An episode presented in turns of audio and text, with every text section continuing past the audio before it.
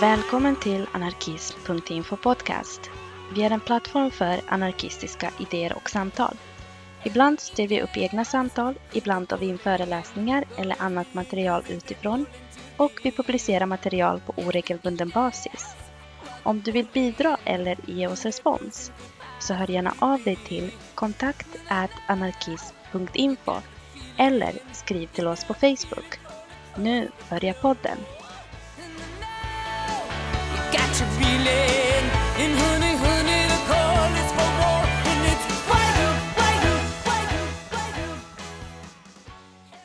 Hej och välkomna till del 3 av 4 i vår serie där vi svarar på frågor som folk har skickat in till oss.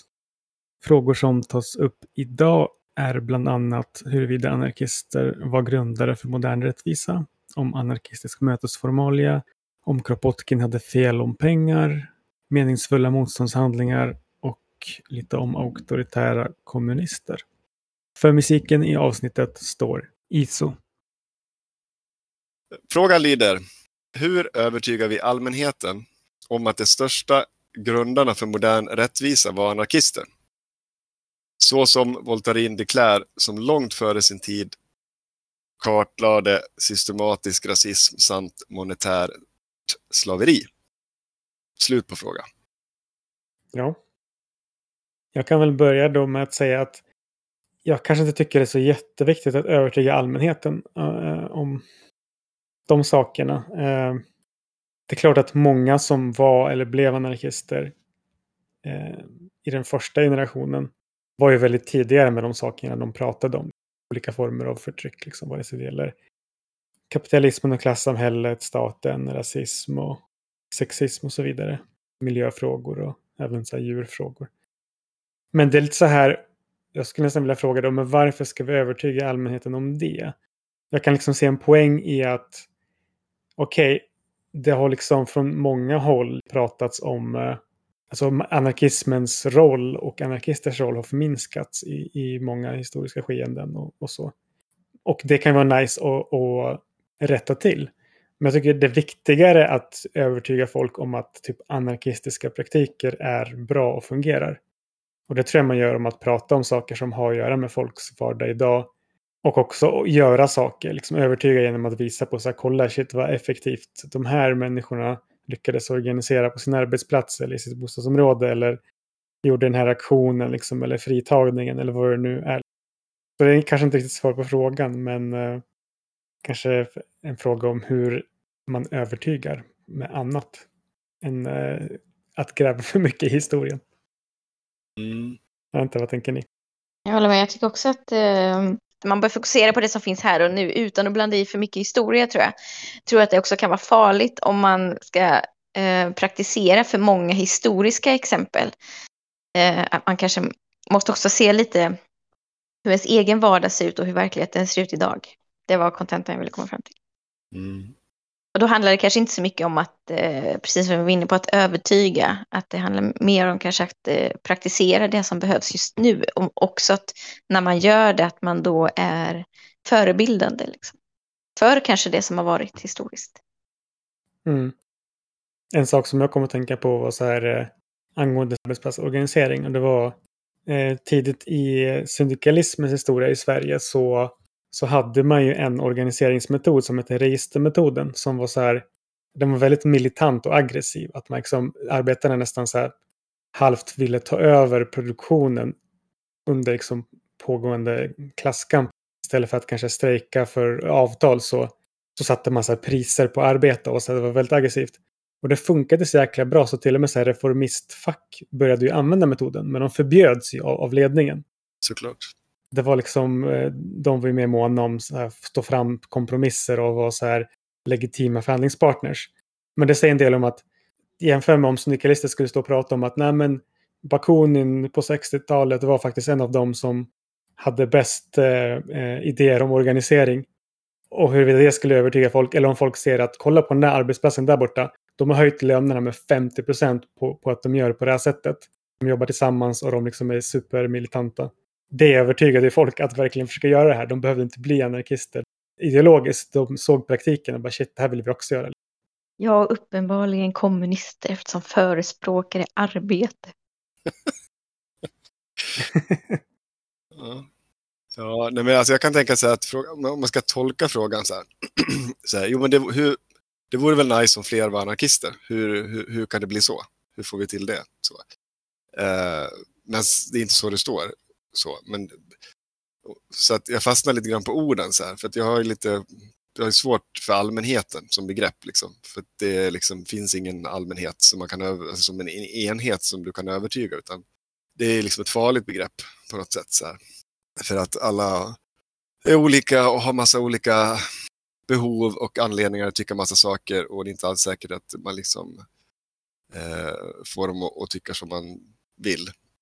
Eh, så det är liksom lite farligt begrepp att liksom snöa fast i. Sen kan man använda ordet såklart, men liksom ha det som någon slags så här, eh, att man ska gå ut och övertyga allmänheten. Det är nej, ungefär som att säga vi ska rädda världen. Så här, ja, det vore ju bra, men det är ju, man bränner ju ut sig. det är ju skitjobbigt att rädda världen. Så. här. Och sen så tänker jag på modern och rättvisa. Så här, att, ja, vad är den moderna rättvisan då? Eh, så jag fastnar lite grann, någonting i det där som stör mig. Så här, för att, då tänker jag så här, då tolkar jag frågan snarare som att ja, men det vore väl nice om fler vart anarkister, hur får vi det så? Och jag, ja, men jag har egentligen inte så mycket mer vettigt att säga än det ni redan har sagt. Jag, jag håller med, jag tror inte att, eller jag tycker inte att man ska gå ut och, och liksom säga, ja, men läs den här gamla boken. så, så kommer du att förstå hur det ska gå till idag. Då blir det ju på något sätt att man faller lätt i den här fällan att så här, upphöja gamla män med skägg till så här, hade svar på lösningar idag. Så här. Man kan ju inspireras av böcker och, och människor, absolut, men att tror att det finns några sådana blueprints som man kan lägga över liksom modernitet, vår moderna vardag och, och att sen ska allting bli perfekt, det låter allt för enkelt. Liksom, sådär. Och sen tänker jag så här spontant att det är inte alltid rättvisa man vill ha heller. Så det menar jag inte att orättvisa är så bra, men ibland vill man ju bara ha hämnd. Liksom. Kanske. Men det är en annan fråga. Nej, men jag tycker att, så, jag håller med er, att det är bättre att liksom försöka leva på ett sätt så att fler tycker att det här verkar vettigt för mig. Jag tycker det var bra sagt. Jag tycker att eh, kontentan blir typ praktisera mera. Mm. Och jag gillar också det du tog upp med allmänhetsbegreppet. Jag känner igen det från så här protestsammanhang när du vet folk börjar bli så måna om så här legitimitetspolitik. Om inte, om inte allmänheten tycker att det vi gör är jättebra, då kan vi Mm. inte göra det. Så börjar man liksom rörelse polisa sig själva och så här. Vem är den här allmän... Man också så här målar upp en allmänhet som är så här, vad är det liksom? Stämmer det ens liksom? Och även om det stämmer, är det någon mening med att övertyga eller hålla sig på god fot med den här abstrakta Mm. saken. Okej. Ska vi hoppa vidare till nästa? Jag kan eh, slå till och läsa upp nästa fråga här. Avsnittets längsta fråga kanske. Ja, faktiskt. Jag tar på mig ett tungt ok här. Ska vi se. Em, då är frågan så här. Vilken är er syn på anarkistisk mötesformalia? Styrelse, votering i fråga.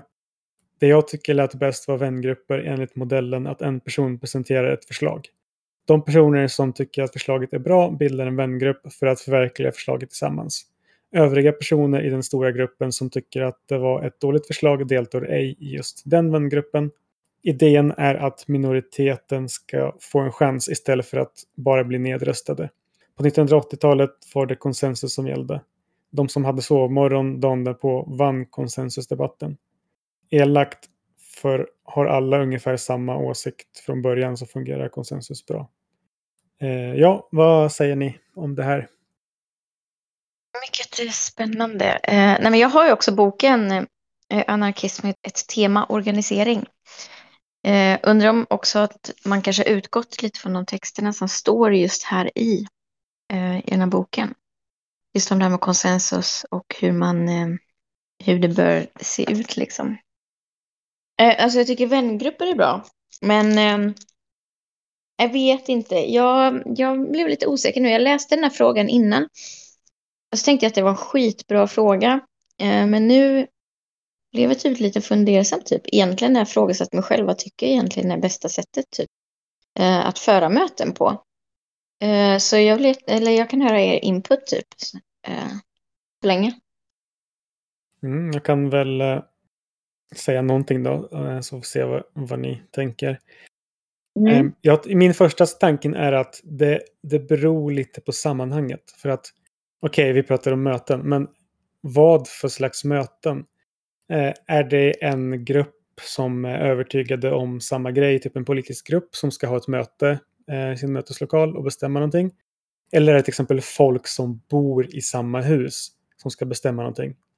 Alltså, det är ju en jättestor skillnad på ifall eh, folk bara kan associera och disassociera precis hur som helst. Ingen behöver ju vara kvar i en grupp som är helt frivillig att delta i. Eh, där man bor är det ju mycket svårare. Och då, då blir det också helt andra förutsättningar. Det går inte bara att säga att okej, men vi tycker inte likadant så vi går skilda vägar.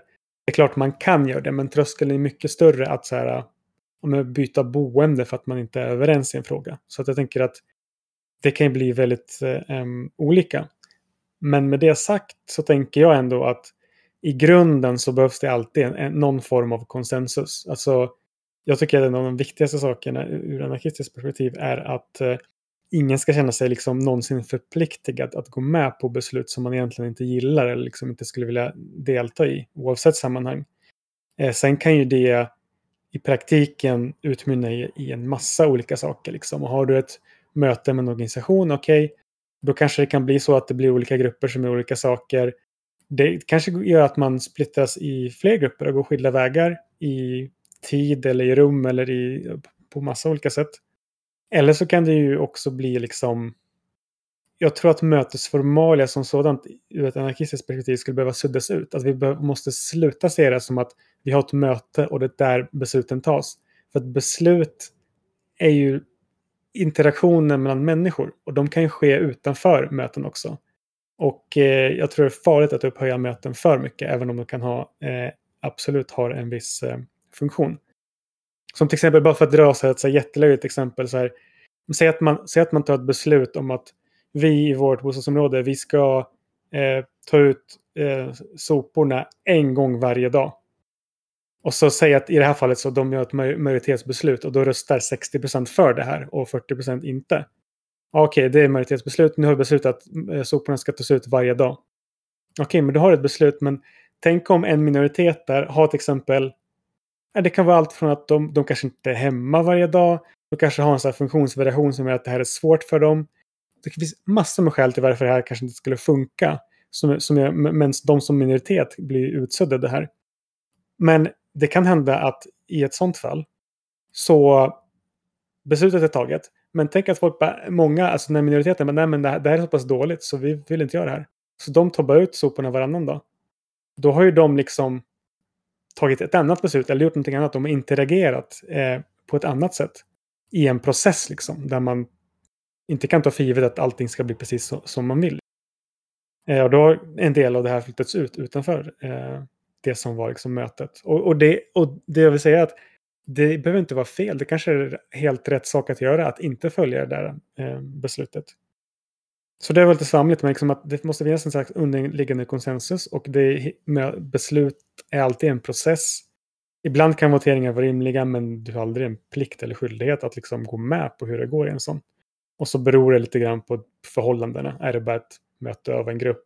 Är det ditt hushåll som möts? Är det liksom ett bostadskvarter eller något annat? Som...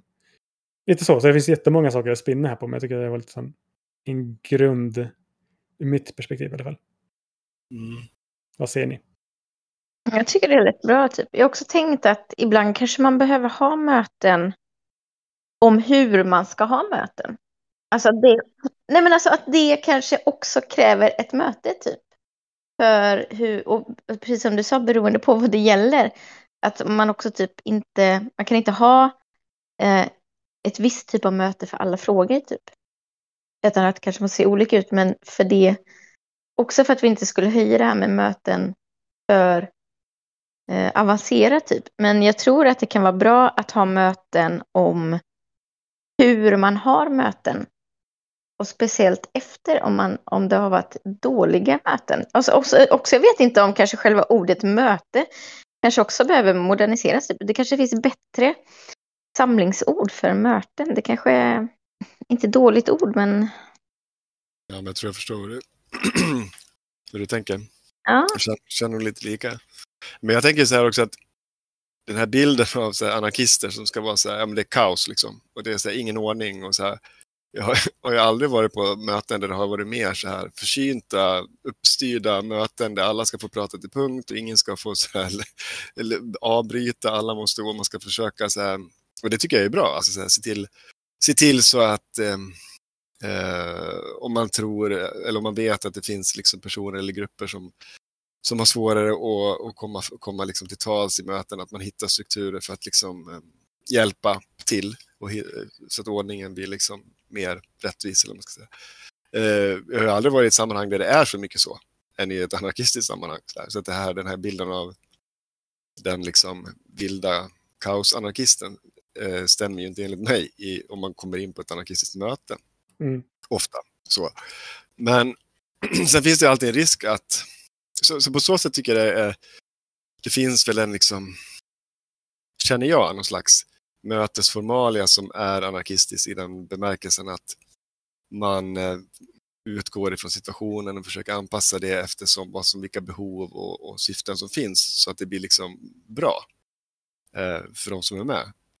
Men eh, det finns ju en risk också att man möter ihjäl sig, eller man ska säga, att det blir så här i alla massa möten i ett projekt eller någonting som ska ordnas och det ska så här, pratas om. Och, uh, känner jag att det finns en risk att man dödar den här kreativiteten och lusten och liksom komma till skott i och med att säga, men nu ska vi ha ett möte om det här i två timmar.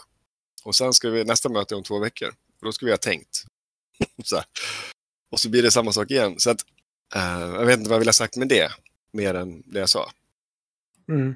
Det skulle kunna nämnas lite också hur vi faktiskt gör ja info. Mm. Um, jag vet inte, vi, vi, har väl aldrig kanske egentligen så att säga myntat en term, men jag skulle vilja säga att vi, vi har, man skulle kunna kalla det en slags implicit konsensus för att vi utgår ifrån att alltså alla måste på något sätt vara med på att något, något som görs i A-infos namn inom gruppen. Om någon inte känner att det här, det här är inte alls vad, vad vi borde syssla med vad jag kan stå för. Så finns det ju veto. Alltså det, det, det måste finnas en konsensus i den mån att ingen kan köras över på det sättet. Men sen är den väl lite implicit i och med att vi har ju arbetsgrupper för, för podden, för eh, bloggen, för sociala medier och sånt. De lever lite sina egna liv. Och sen kan man säga att det finns lite, alltså lite eget ansvar och förtroende och tillit där. Att man tänker att de här sakerna behöver vi nog inte ta upp med hela gruppen för att alla är nog med på detta. Kontra mot då när man tänker att men det här är en stor grej. Det här borde vi nog ta upp i hela gruppen för att se om alla har, någon har input eller om någon har några invändningar. Och på så sätt slipper man kanske det här med att alla behöver inte tillfrågas hela tiden om varje grej och detaljstyras på det sättet. Utan det finns en viss tillit och man jobbar, liksom, grupperna jobbar autonomt. Eh, men med en slags liksom, underliggande konsensus om och sen om det kan ju bli fel om någon grupp gör någonting som nya klistermärken och det finns sju olika förslag på ny, nytt klistermärke men man kommer bara trycka två eller tre. Då kanske alla är överens om att okej, okay, jag har mina favoriter men det är okej okay att vi röstar om vilka som är populärast och så trycker vi dem. Så det, liksom, det ena utesluter inte det andra heller riktigt. Ja, jag tycker att det har funkat bra och vi typ kom också överens om att det räcker med ett veto typ för att man också ska kunna gå snabbare liksom, i processen att kunna ta ett beslut eller komma fram till ett beslut. Mm. Ja, och jag tycker också det finns någonting liksom befriande och utmanande och liksom bra i att så här inte behöva liksom checka av utan man får liksom ta ställning själv eller ensam eller med de som, som är involverade. Eh, att, att det liksom är något stärkande i det liksom, för att man säger men så här tolkar jag eh, det vi håller på med. Och det här känns som att det är i linje med det, så då kör vi på det.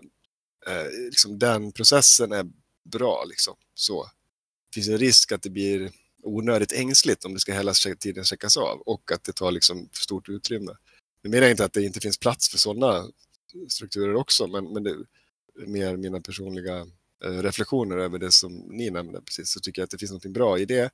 Och sen också om det är någonting som i efteråt man kommer på att nej, men det här var kanske inte så bra, så finns det också någonting helande och utvecklande i att liksom, det är inte farligt att göra fel.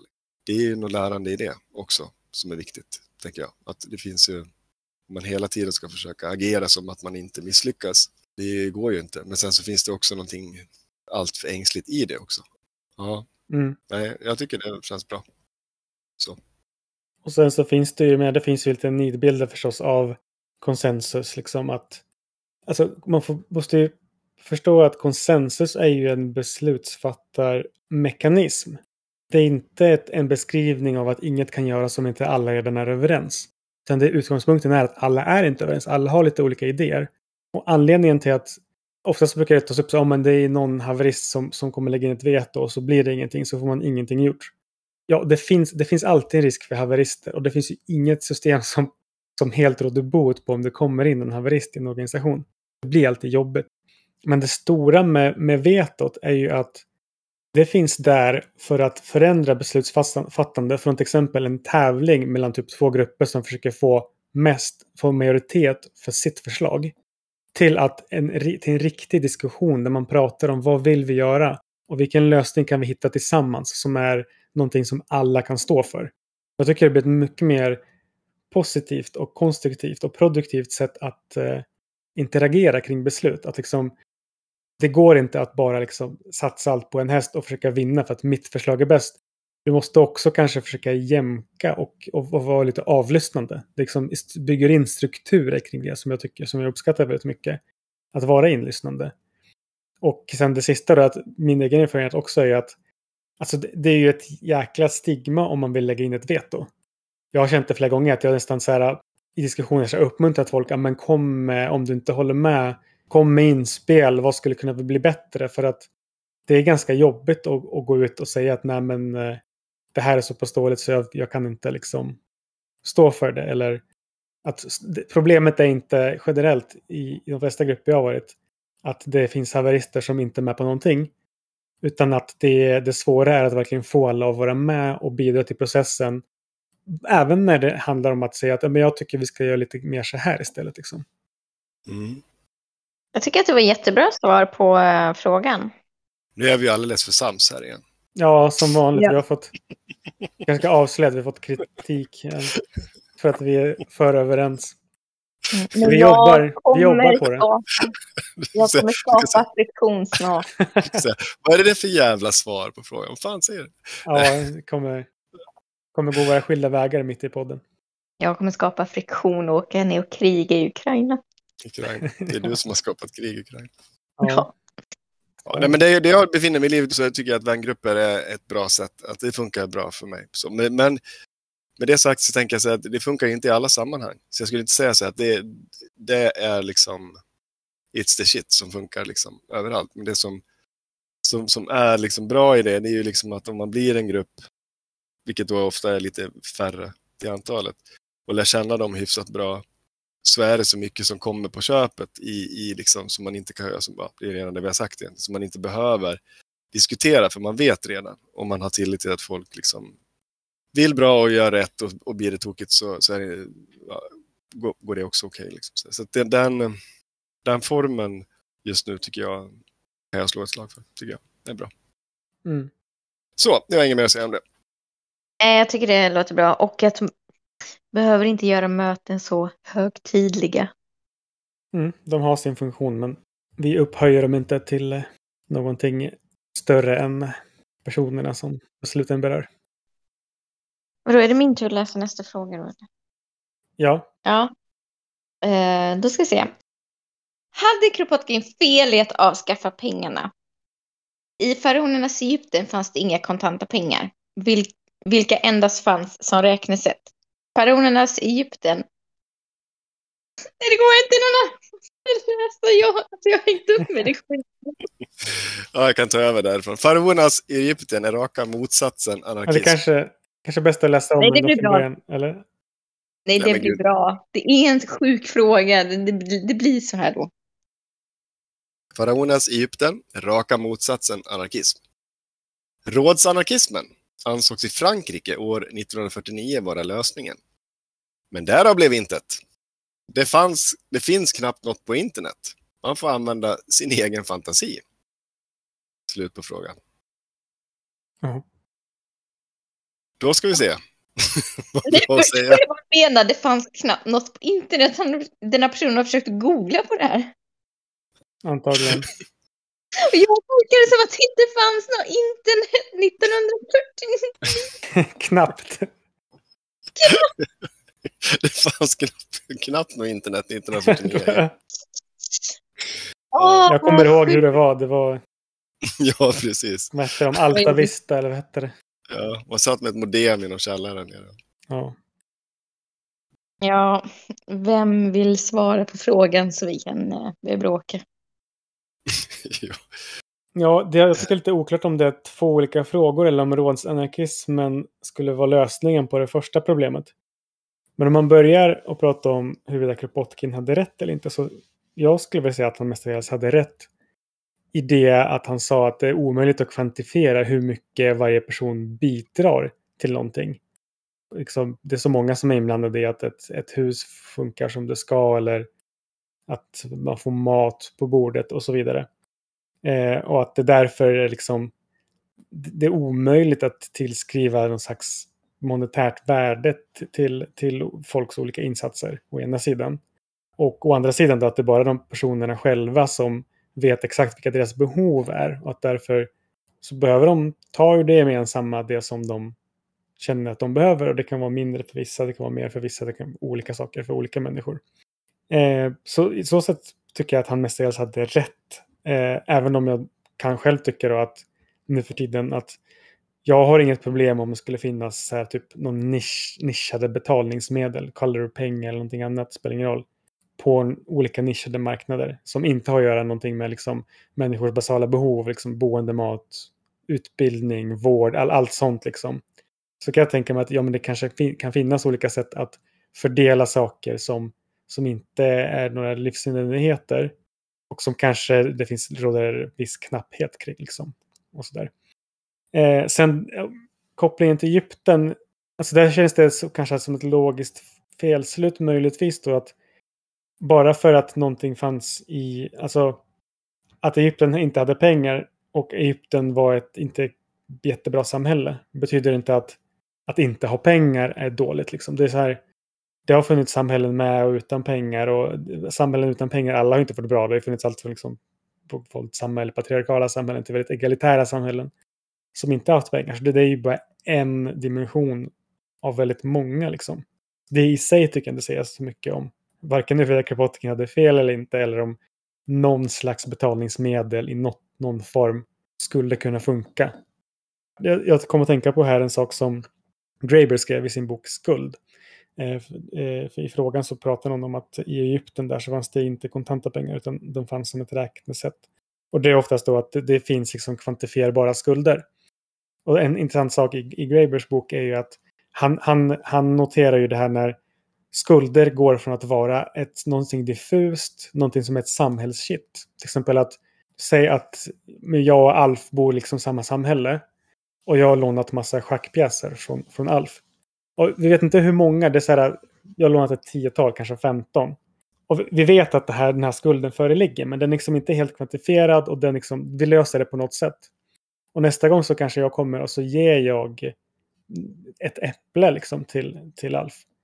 Eh, och då blir det så här liksom att man, man ger och tar och man vet att det finns ett skuldförhållande som inte är någonting så som man verkligen måste betala av, utan tvärtom i vissa samhällen en av de värsta förolämpningar du kunde, ett av de värsta sätten på vilka du kunde förolämpa någon var att ge tillbaks någonting i en exakt kvantitet till det som du hade fått. För det var som att antyda att du inte längre vill ha en relation med den här personen. Så det är liksom, det har vi skuld som ett samhällsshit.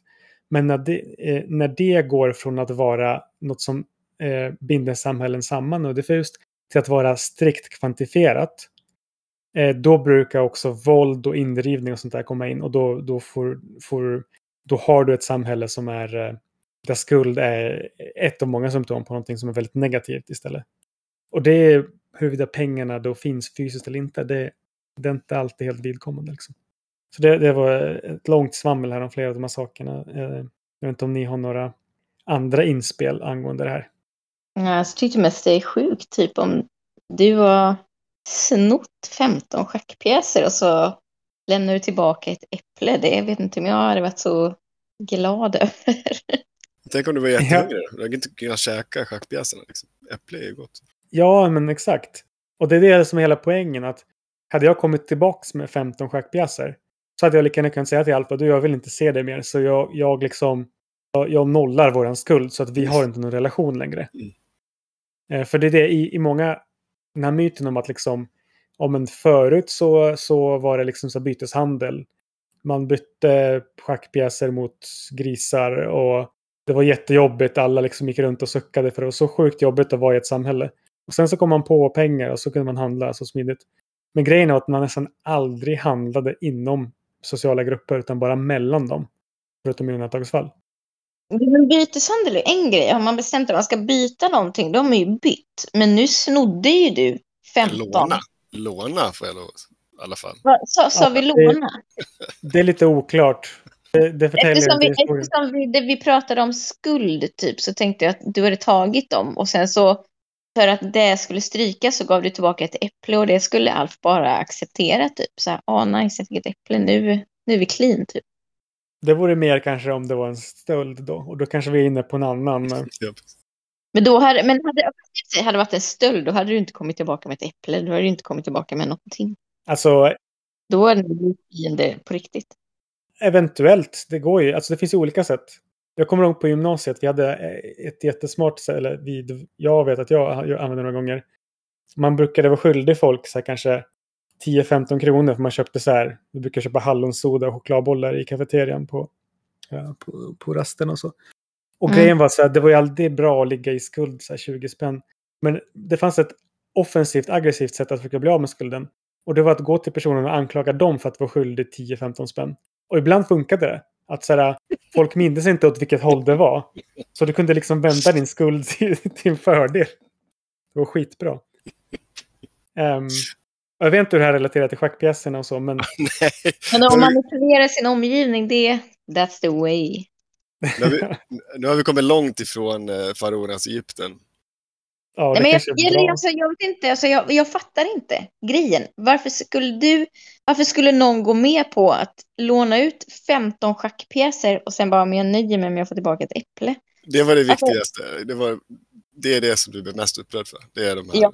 15 schackpjäserna. Men Ja, Ja. För, att jag, för att jag fattar inte, för att jag tänker att, men det blir också personligt för jag gillar schack. Ja. Jag har inte tagit dem Men och sen kom tillbaka med ett äpple. okej, hur många äpplen skulle uppväga hur många äpplen skulle uppväga 15 schackpjäser? 20. Inga, inga äpplen skulle väga upp mina 15 schackpjäser. Ja, men det är det, det är det som är poängen lite. att Det ska inte vara en kvantifierbar transaktion. Det finns ingen, det finns ingen ratio mellan äpplen och schackpjäser här. Även, även om man kan prata om sådana här ratio i egenskap av hur mycket, liksom, eh, vilken ansträngning som man behövt gå in för att, för att eh, skapa de här sakerna. Men hela grejen är då att du skulle, oftast handlar det om gåvor, så det var gåvoekonomier, kanske, kanske det är värt att påpeka. Så, an, så det me- mer realis- realistiska snarare är att Alf kom förbi och sen bara förresten, här, här har du ett gäng schackpjäser. Och sen kom jag förbi, bara "Ja, här har du ett äpple. Och då Ja. var det skuld, alltså eh, bytena skulle vara mindre eller större.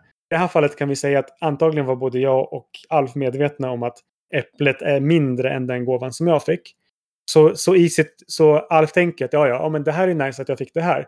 Men jag kommer få mer i framtiden också. För att det här är liksom, det här var liksom en liten grej. Men jag kommer få mer. Jag kommer också ge saker, men, men och samma sak tänker jag att ja, men, ja, jag kommer med ett äpple idag, men jag kanske kommer med en, eh, en paj imorgon. Så det är liksom eh, en slags gå, gåvoutbyten som är eh, inte alltid helt symmetriska och nästan avsiktligt inte helt symmetriska just för att det som det var ett, ett sätt på vilket samhället hängde ihop. Att man hade de här relationerna till varandra genom saker som man gav varandra. Mm.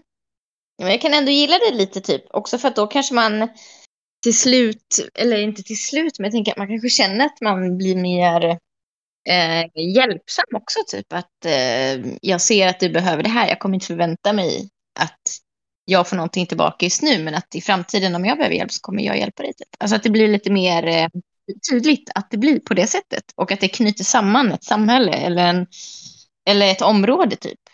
Mm. Att det är det förtroende man har för varandra. Absolut, och det kunde ju vara... Det är inte så att allt det här var, skedde i en så här utopiskt sammanhang. Det finns ju exempel, jag tror också från, från Grabers bok, eller möjligtvis från, från Peter Gelderloos eh, eh, Anarchy Works. Eh, där till exempel det var något samhälle som de utsåg någon till hövding, men hövdingen förväntades typ ge bort typ nästan alla sina ägodelar.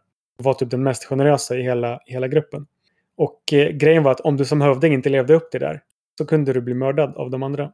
Så det var lite så här, eh, inte, inte bara myspys utan eh, det kunde vara en del social press också på att, på att vara på, på ett visst sätt.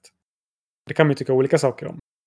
Ja, har vi tömt ut eh, faraoernas eh, visdomar nu eller? jag, vill- jag vill aldrig mer prata om faraonerna nu för jag har hängt upp mig på schackpjäser och äpplen och Ja, jag har, precis, har inget mer att säga i den här frågan.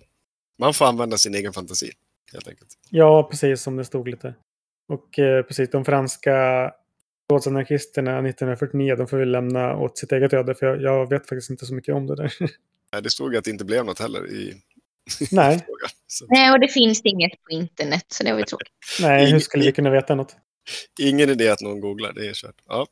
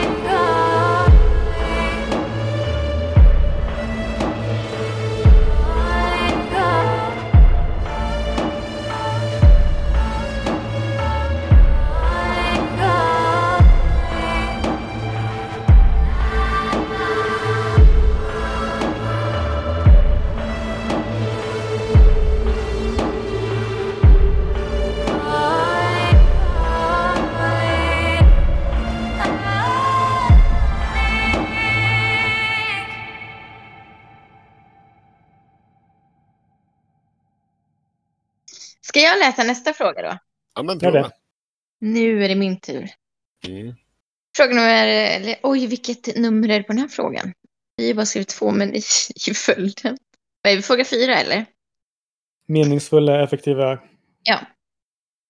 Mm. Ja, skitsamma. Jag läser frågan som, som vi har här.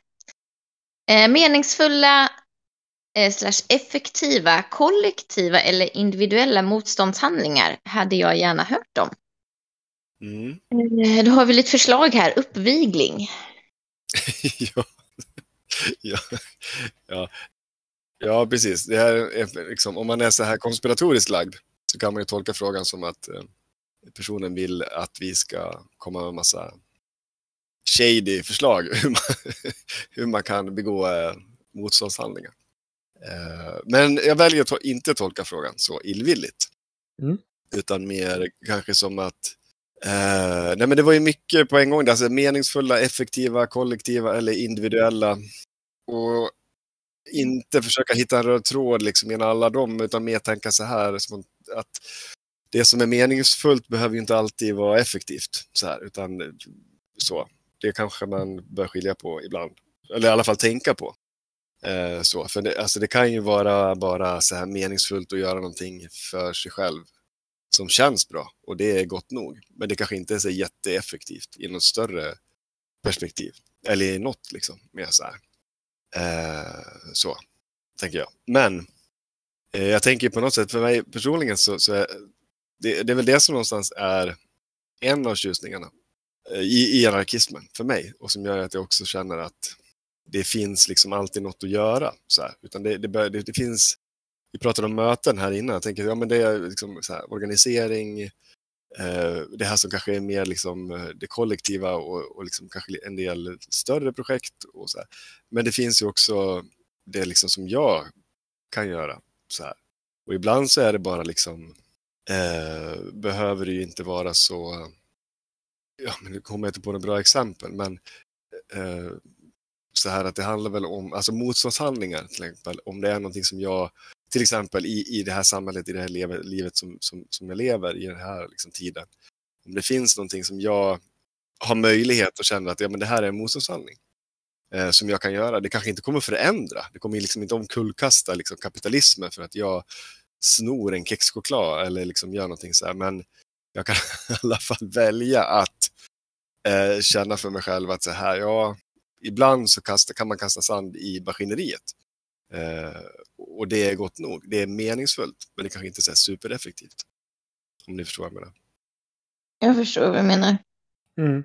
Eh, Så roligt, jag har faktiskt en, eh, en tavla hemma med ett citat på där det står så här. Eh, protest är när jag säger att det eller det inte passar mig. Motstånd är när jag ser till att det som inte passar mig inte längre sker. Jag tänker att det säger ganska mycket. Mm. Eh, och då blir det lite också upp till, till var och en, liksom, vad, vad, vad du vill förändra i ditt liv. Mm. Jättebra, grymt eh, citat där på tavlan. Jag tänker också att det beror på ens egen situation vad det är för konkreta handlingar man, man kommer göra. Generellt så det tråkiga svaret också är så här, ja men direktaktion liksom.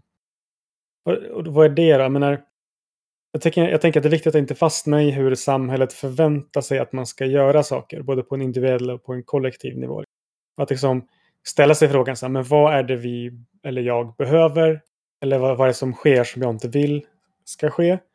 Och sen liksom formulera svaret på ett sätt där man själv eller alla de som är berörda uppfyller det behovet eller ser till så att det som sker slutar ske tillsammans.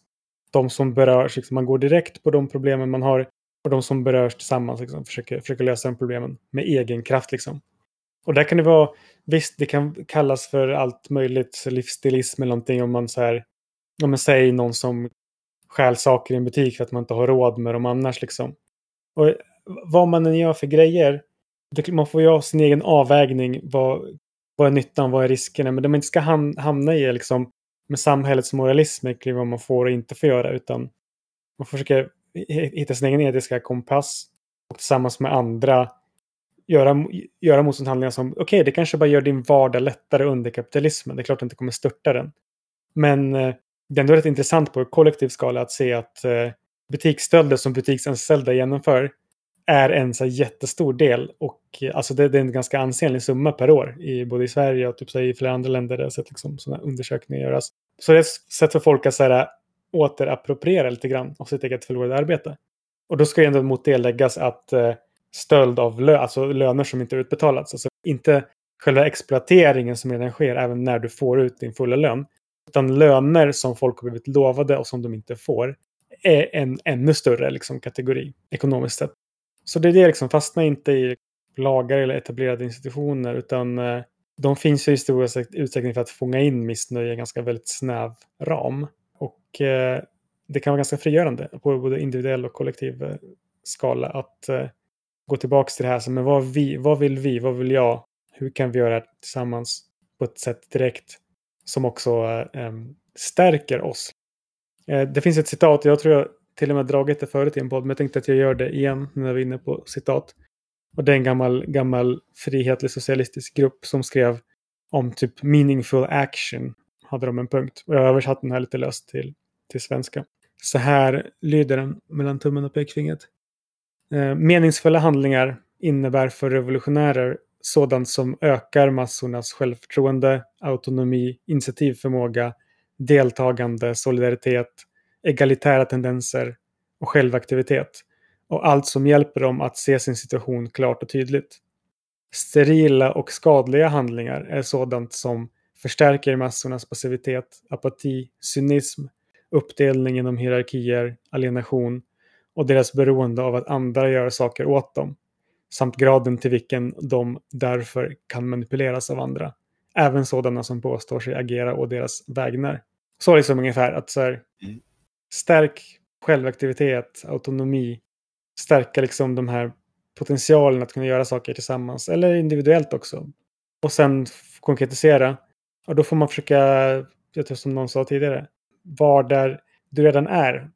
Det är lätt att liksom kanske engagera sig i någonting som, som redan finns liksom på, eh, jag vet inte, förut var det så här, det kanske fortfarande är det så här, Palestinafrågan var så en jättestor grej och det är en jätteviktig fråga där man kan hitta en gemenskap, folk som, som eh, tänker och tycker samma saker som en och man gör ett, liksom, ett meningsfullt bidrag genom att eh, synliggöra och kanske även materiellt understödja en, en befrielsekamp. Men alla har också personliga saker. Alla är studenter, barn eller föräldrar, eh, kanske har ett jobb, kanske är pensionärer, bor ju någonstans. Och i alla de här sfärerna så finns det ju saker där man, alltså i alla de här sfärerna kan man ställa sig de här frågorna och försöka hitta andra att förändra saker med. Liksom. Så ungefär. Nej, men det, är- ja, det är bra. Ja, jag håller med. Eller jag tycker det är jättebra. Ska vi direkt så här, liksom, försöka hugga en till fråga här som är nästan samma sak? Men vilken är det då? Är de auktoritära kommunisterna eller? Nej, nej, det är inte samma sak. Du får ge dig till tåls lite till. Ja, precis. Eh, Ska jag, jag kan väl läsa upp den som redan har em, hintat om den. Mm. För då har jag fått en fråga så här. Jag är anarkist rent ideologiskt. Vad kan jag göra för att eh, föra samhället i anarkistisk riktning? Och det tänker jag liksom, det är nästan det vi har pratat om här. Eh, och det enda jag kan tillägga är väl liksom att om man nu vet att så, om, jag är anarkist ideologiskt, men ta reda på och läs sånt som intresserar dig om olika samhällskamper, typ hur andra gör och har gjort historiskt. Och hitta de här sammanhangen för att kämpa för förändring. Liksom. Och gärna just någonting som redan berör en själv i den roll man är som ja, arbetare eller student eller arbetslös eller pensionär eller som boende, som kvinna eller som hbtq-person, som rasifierad. Alla de här dimensionerna finns det redan jätteviktiga kamper som sker och det behövs också jättemycket saker. Och eh, agera förebildande. Ja, jag tror att framförallt typ också att eh, våga ta plats. Typ. Kom med idéer liksom. Vad, eh, det tror jag är jätteviktigt. Typ. För inkluderingen och för rörelsen. Typ. Att när det kommer nya personer eller om man vill göra någonting. Att man, eh, är man driftig liksom så ta plats liksom. Eller ta, ta din plats liksom. Jag tycker att det, alla borde göra det. Så att så här, en idé kan bli tre nya andra idéer också. Mm. Jo, men jag tänker, ja, det finns ju, tänker jag, lätt en fara att man tänker sig, men jag ska, man sitter och väntar på det här liksom anarkistiska sammanhanget där man kan få, liksom få verka och vara anarkist. Liksom. Och, och sådana sammanhang finns ju absolut, men jag tänker att bero, man kan ju ha jävligt olika livsförutsättningar. Liksom. Man kanske bor på ett ställe där det inte finns eh, folk som tycker och tänker som en själv eller att det blir så här, det är långt till liksom en grupp där man känner sig hemma med och som man kan liksom vilja vara med i. Och så här, som gör att det är svårt liksom, att vänta på det här tillfället. Utan att, och det är det jag hör att ni är inne på också, så här, att det finns ju jättemycket man kan göra liksom, i här och nu, där man lever. Eh, och det är, det, det är liksom också som min erfarenhet. Och, och på ett sätt blir det som att i mitt liv så har jag märkt så här i efterhand att jag dras till de här sam, liksom dras till sammanhang där jag liksom kan få, där det är lite på det sättet utan att det är liksom uttalat anarkistiskt. Det är där jag liksom trivs och det är där som jag liksom kanske stannar en stund. Eh, så så det, det, det liksom går ju att, att liksom föra, eh, alltså vara anarkist på det sättet också. Så här. Eh, och det kan handla om liksom i, i skolfrågor eller som förälder eller liksom vad som helst på jobbet. Eller så här. Sen finns det såklart den här liksom mer organiserade delarna också. Så. Men jag, precis som, som den första frågan, med det vi pratade om eh, allmänheten och, och så övertyga, så får jag lite samma känsla inför den här frågan. För att, jag, så här, att föra samhället i anarkistisk riktning, det är lite samma, så här, men hur ska jag göra för att övertyga samhället att så här, det ska bli anarkistiskt? Och så tänker inte jag själv. Liksom. Jag tänker inte så här att Eh, om jag tänker mig en förändring där vi har liksom, där jag kan leva liksom eh, som anarkist eh, som jag tänker mig att jag skulle vilja att det var, då, då är det inte ett samhälle på det sättet. Nu blir det lite så hårklyverier med ord, liksom, så här. men därför väljer jag att tolka frågan mer som lite grann den första som vi hade nu. Så här, det var så att hur, hur kan jag liksom stärka liksom, den anarkistiska rörelsen liksom, på något sätt, bidra till det. Och, och det är som ni är inne då på, att så här, det handlar ju om att... Äh, jag ska inte säga någonting om det, jag håller med om det ni har sagt, men jag ska lägga till att inte bränna ut sig. Så. Mm. Ja, men nu, vill, nu vill vi ha konflikt här. Nej, men... eh, Det, med, ja, det var i och för sig bara att jag skulle hålla med er, men jag tänker så här att, att inte bränna ut sig tycker jag är viktigt. Då bryter vi för lite reklam. Söker du anarkistiska sammanhang kan du eh, söka till anarkist.info. ja, precis. Ja, precis. mm. Nej, det är bra inspel där. Har man idéer på texter man vill skriva, skulle man vilja vara med i en podd själv eller något annat grymt så vi är idel öra. Ja, Även om någon vill eh, skapa lite konflikt så Ja, precis. saknar vi så. du kan få gästspela som auktoritär kommunist. Uff. Det var lite förebådande. Ska vi eh, kasta oss på nästa fråga i och med den? Ja, men jag har en sak till som jag tror jag vill säga faktiskt. Jag tror att Okej. Jag tror att jag, jag skulle väl snarare vilja tänka så här. Det handlar om att liksom vara i krig med samhället. Mer än att, att se samhället som någonting som jag kan föra och i någon riktning. Så, här. så och det är väl någonstans så jag kopplar ihop de här två senaste frågorna. Så här, att för mig personligen så finns det någonting viktigt i att här, om jag går omkring och så här, ja, som anarkist i den tid vi lever så, så för mig så innebär, innefattar det liksom ett ständigt så här, okej, jag måste acceptera vissa saker och så får jag liksom vila i de grejerna och sammanhang där, där jag kan liksom vara där det känns vettigare. Men det, det finns ju alltid den här liksom ilskan, att det ska vara så här. det här jävla skitsamhället liksom. Eh, och det måste få utlopp för mig på något sätt. Och då, så istället för att tänka sig, vad kan jag göra för att föra samhället? Så här, hur kan jag förstöra för samhället istället? Eh, för att det kommer istället i, i, i, liksom, i längden att bidra till någonting annat. Så tänkte jag. Absolut, jag håller med. Mm. Hade man kunnat föra samhället i en bättre riktning så hade det redan gjorts. Hade du kunnat reformera samhället så hade det också redan gjorts. Men det har det inte. Mm. Ja, så det var typ kötta typ. Mal ner skiten. Bränn ner det till grunden. Som vi alla vet så är ju den här lusten och viljan och driften att förstöra det är en kreativ drift.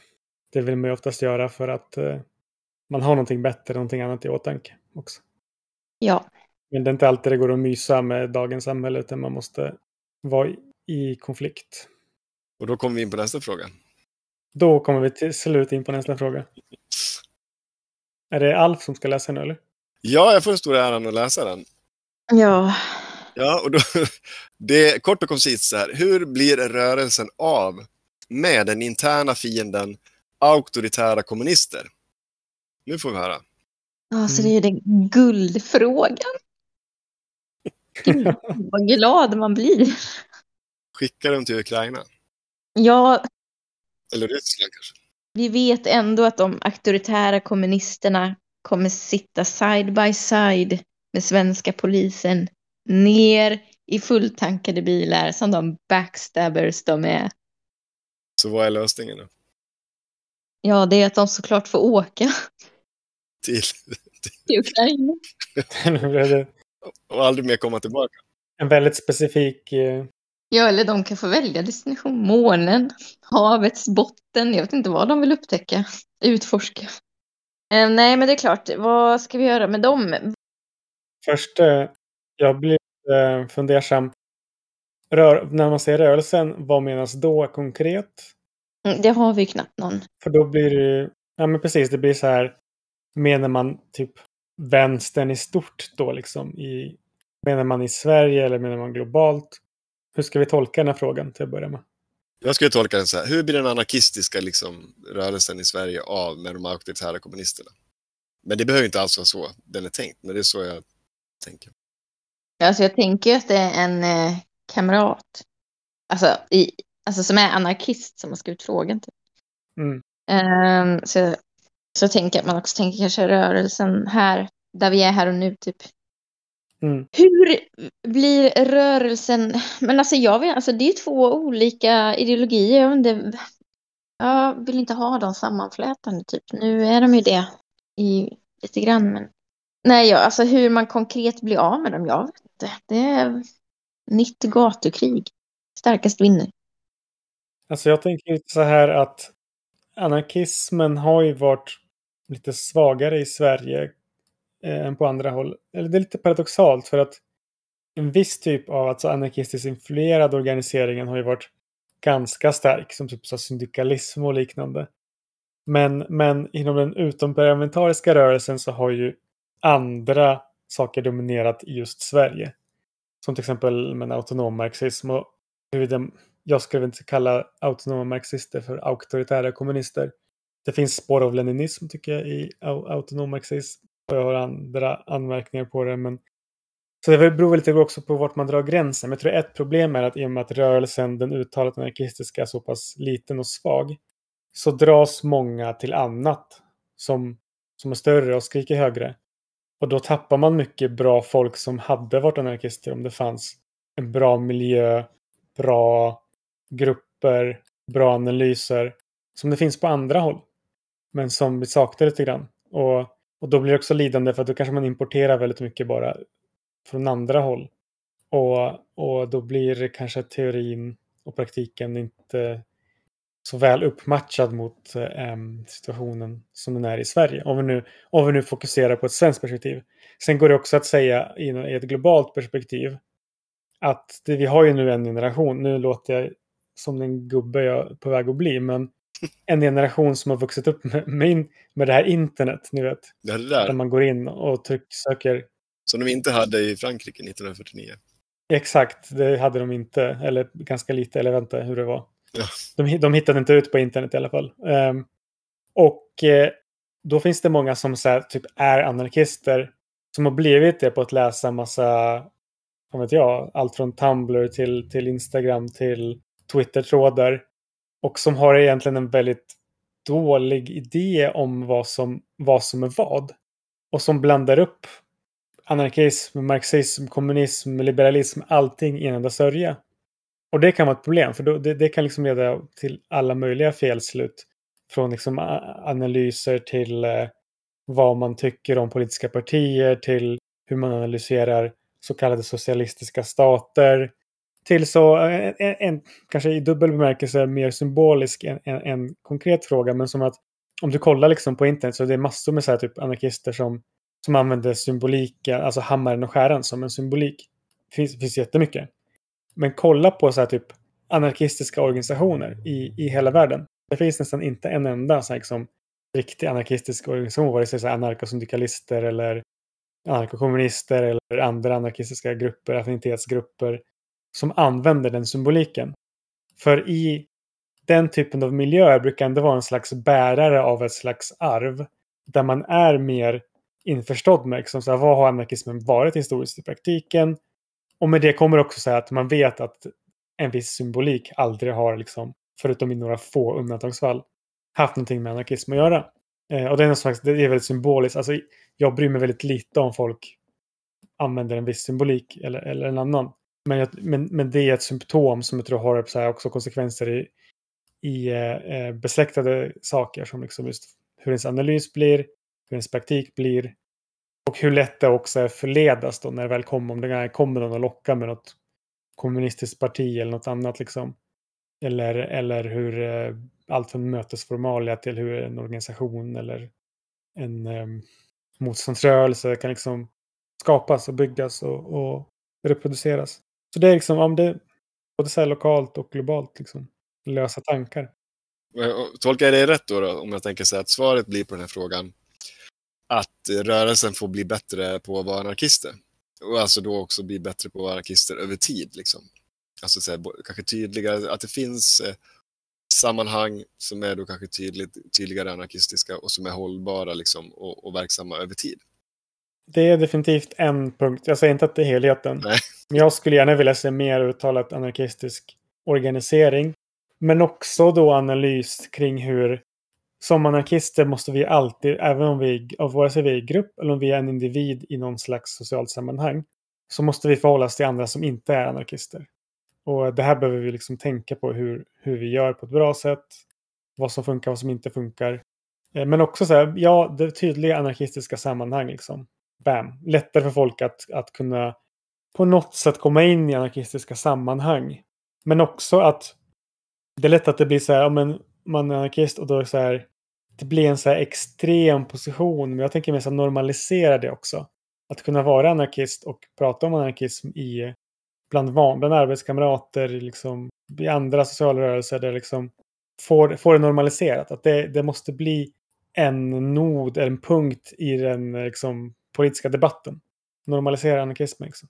Um, ja, nu, nu vet jag, ja, nu är jag långt borta från de auktoritära kommunisterna såklart, men jag tror att det är ändå sätt på vilka folk kan attraheras till en, en frihetlig anarkistisk teori och praktik. Istället för att hamna i uh, saker som jag, menar, som jag tycker inte funkar speciellt bra och som är kontraproduktiva. Då. Mm. Kanske det enklaste svaret är hur blir rörelsen av med den interna fienden auktoritära kommunister? Det kanske är att vi måste bli auktoritära anarkister. Nu är konflikten här. ja, precis. De, Vad, de spelar schack mot varandra, de auktoritära kommunisterna mot de auktoritära anarkisterna. Ja, gud. vad skulle det innebära då? Den här auktoritära anarkismen? Jag vet det. Jag Att man eh, beslutsamt eh, rensar ut dem ur organisationerna och rörelserna. Ja, med våld. Tio veton. Tio veton. Ja, men eh, på ett eller annat sätt så finns det en poäng of that, kanske att just ha specifikt anarkistiska sammanhang. Om de finns då är de ju liksom i alla fall eh, per definition fria från auktoritära, kommunister. Det betyder inte att de är fria från folk med auktoritära aspirationer, vare sig de erkänner dem som sådana eller inte. Men, eh, och, att, och att kanske även att, så det kan låta aggressivt men det kan ändå finnas en tanke också att om okej, men vi, vi, som, vi som rörelse eller vi som de här grupperna behöver vara anarkistiska och begränsa oss till att inkludera anarkister. Men det går samtidigt också taktiskt tänka att okej, men i den här frågan så kanske det finns utrymme för samarbete med på andra håll liksom. I olika, i olika frågor. Ja, men jag tänker så här, men låt oss ta antifascism till exempel. Ja. Det kanske är en, en fråga som man kan använda som en, alltså som en, en punkt i det här. Ja, men där kanske så här, auktoritära kommunister och anarkister kan, kan samverka i att vara antifascister. Liksom. Att inga nazister på våra gator. Så. Eh, man är emot någonting tydligt där och då. Liksom. Det kanske inte är den motsättningen som man kanske har ideologiskt. Kanske inte ställer till det jättemycket där och då. Men i ett annat sammanhang så skulle det absolut inte funka. Och då finns det kanske ett större behov av att, att säga nej, men, och att det är tydligt också. Så här. Ja, men det här, för det kan jag sakna ibland, så att det finns ibland en vilja att vara så här, nej, men man ska få med sig allmänheten, eh, men man tänker sig att de ska vara lite anarkistiska. Så då säger man, man tar bort, eh, man säger inte att det här är en anarkistisk grupp, men det är det, men man, man säljer inte det som det. Eh, så, och då blir det otydligt på en gång, tycker jag. Ja, då typ tänker jag att folk inkluderar sig själva och det är där vi ska bli auktoritära och säga stopp, nej, inga kommunister på våra möten. Nu kanske inte auktoritära är det ordet man ska använda, men man kanske ska bli tydligare. Och eh, Militant. ja, det är bättre. Eh, nej, men jag, nej, men jag är faktiskt, jag tycker jag håller med dig också. Jag tycker att så här, om vi vill eh, förespråka anarkism och ha möten Eh, med anarkister på ett anarkistiskt sätt, då är det väl helt orimligt att bjuda in folk som är kommunister. Det finns väl ingen mening med det. Och det kan man väl stå för. Det är väl inget problem. Om de tycker samma sak, ja, då kan väl de försöka ett liknande möte då, för det kommer de 100% försöka göra. Ja, och det, det här var ju i något tidigare avsnitt av, av samma Q&A som vi pratade om det här med auktoritet. Att, så här, att eh, göra, alltså auktoritet, det finns ju ingen skyldighet att lyda eller rätt att bestämma utan det är en fråga om att man vill ha sin egen autonomi och man vill inte att den ska kompromissas av någon annan. Det ser jag inte som auktoritärt. Vi gör ju det vi vill göra liksom här. Mm. Och eh, vi vill inte att någon annan ska påtvinga sin, sina idéer, ideologi eller vilja på, på just det här sammanhanget. Det är ju snarare anti-auktoritärt. Mm. Ja. Du ska bli anti-auktoritära anarkister. Och sen liksom så här för att kanske tydliggöra distinktionen. Ja, man säger kanske så här slentrianmässigt anarkist versus kommunist här. Sen finns det ju många anarkokommunister. Liksom. Och det är, Ja, men det är också sjukt. ja, men det är ju den, det, är- det är en av de största strömningarna historiskt. Liksom. Ja. Kropotkin, Malatesta, Emma Goldman. Men jag tänker typ ändå att också att eh, det som vi var inne på, typ ehm, att vi kanske behöver, eh, behöver bli mer militanta typ i vårt förebildande eller förespråkande av metoder typ för att sen inte, för att sen inte behöva vara det längre. Utan för då är det så självklart typ att, så, att det blir mer uppdelat då. Nu blir det liksom inte det, då blir det inte det här flummet som är nu typ. Och att man känner nog till viss del för att det finns typ ingen rörelse så vi måste inkludera alla typ för att då är vi fler. Det finns, jag menar, det finns definitivt utrymme för uttryckligt anarkistiska organisationer och sammanhang och allt möjligt. Det, det tycker jag. Eh, eller att det finns ett behov med ett utrymme. Så är det tycker jag. Sen finns det ju egentligen inga auktoritära kommunister kvar, så det är inget problem. Efter det eller? Nej, just du. Jag kan inte se några. Var är de? De är hemma och gömmer sig. Sen kommer de ut som vampyrer.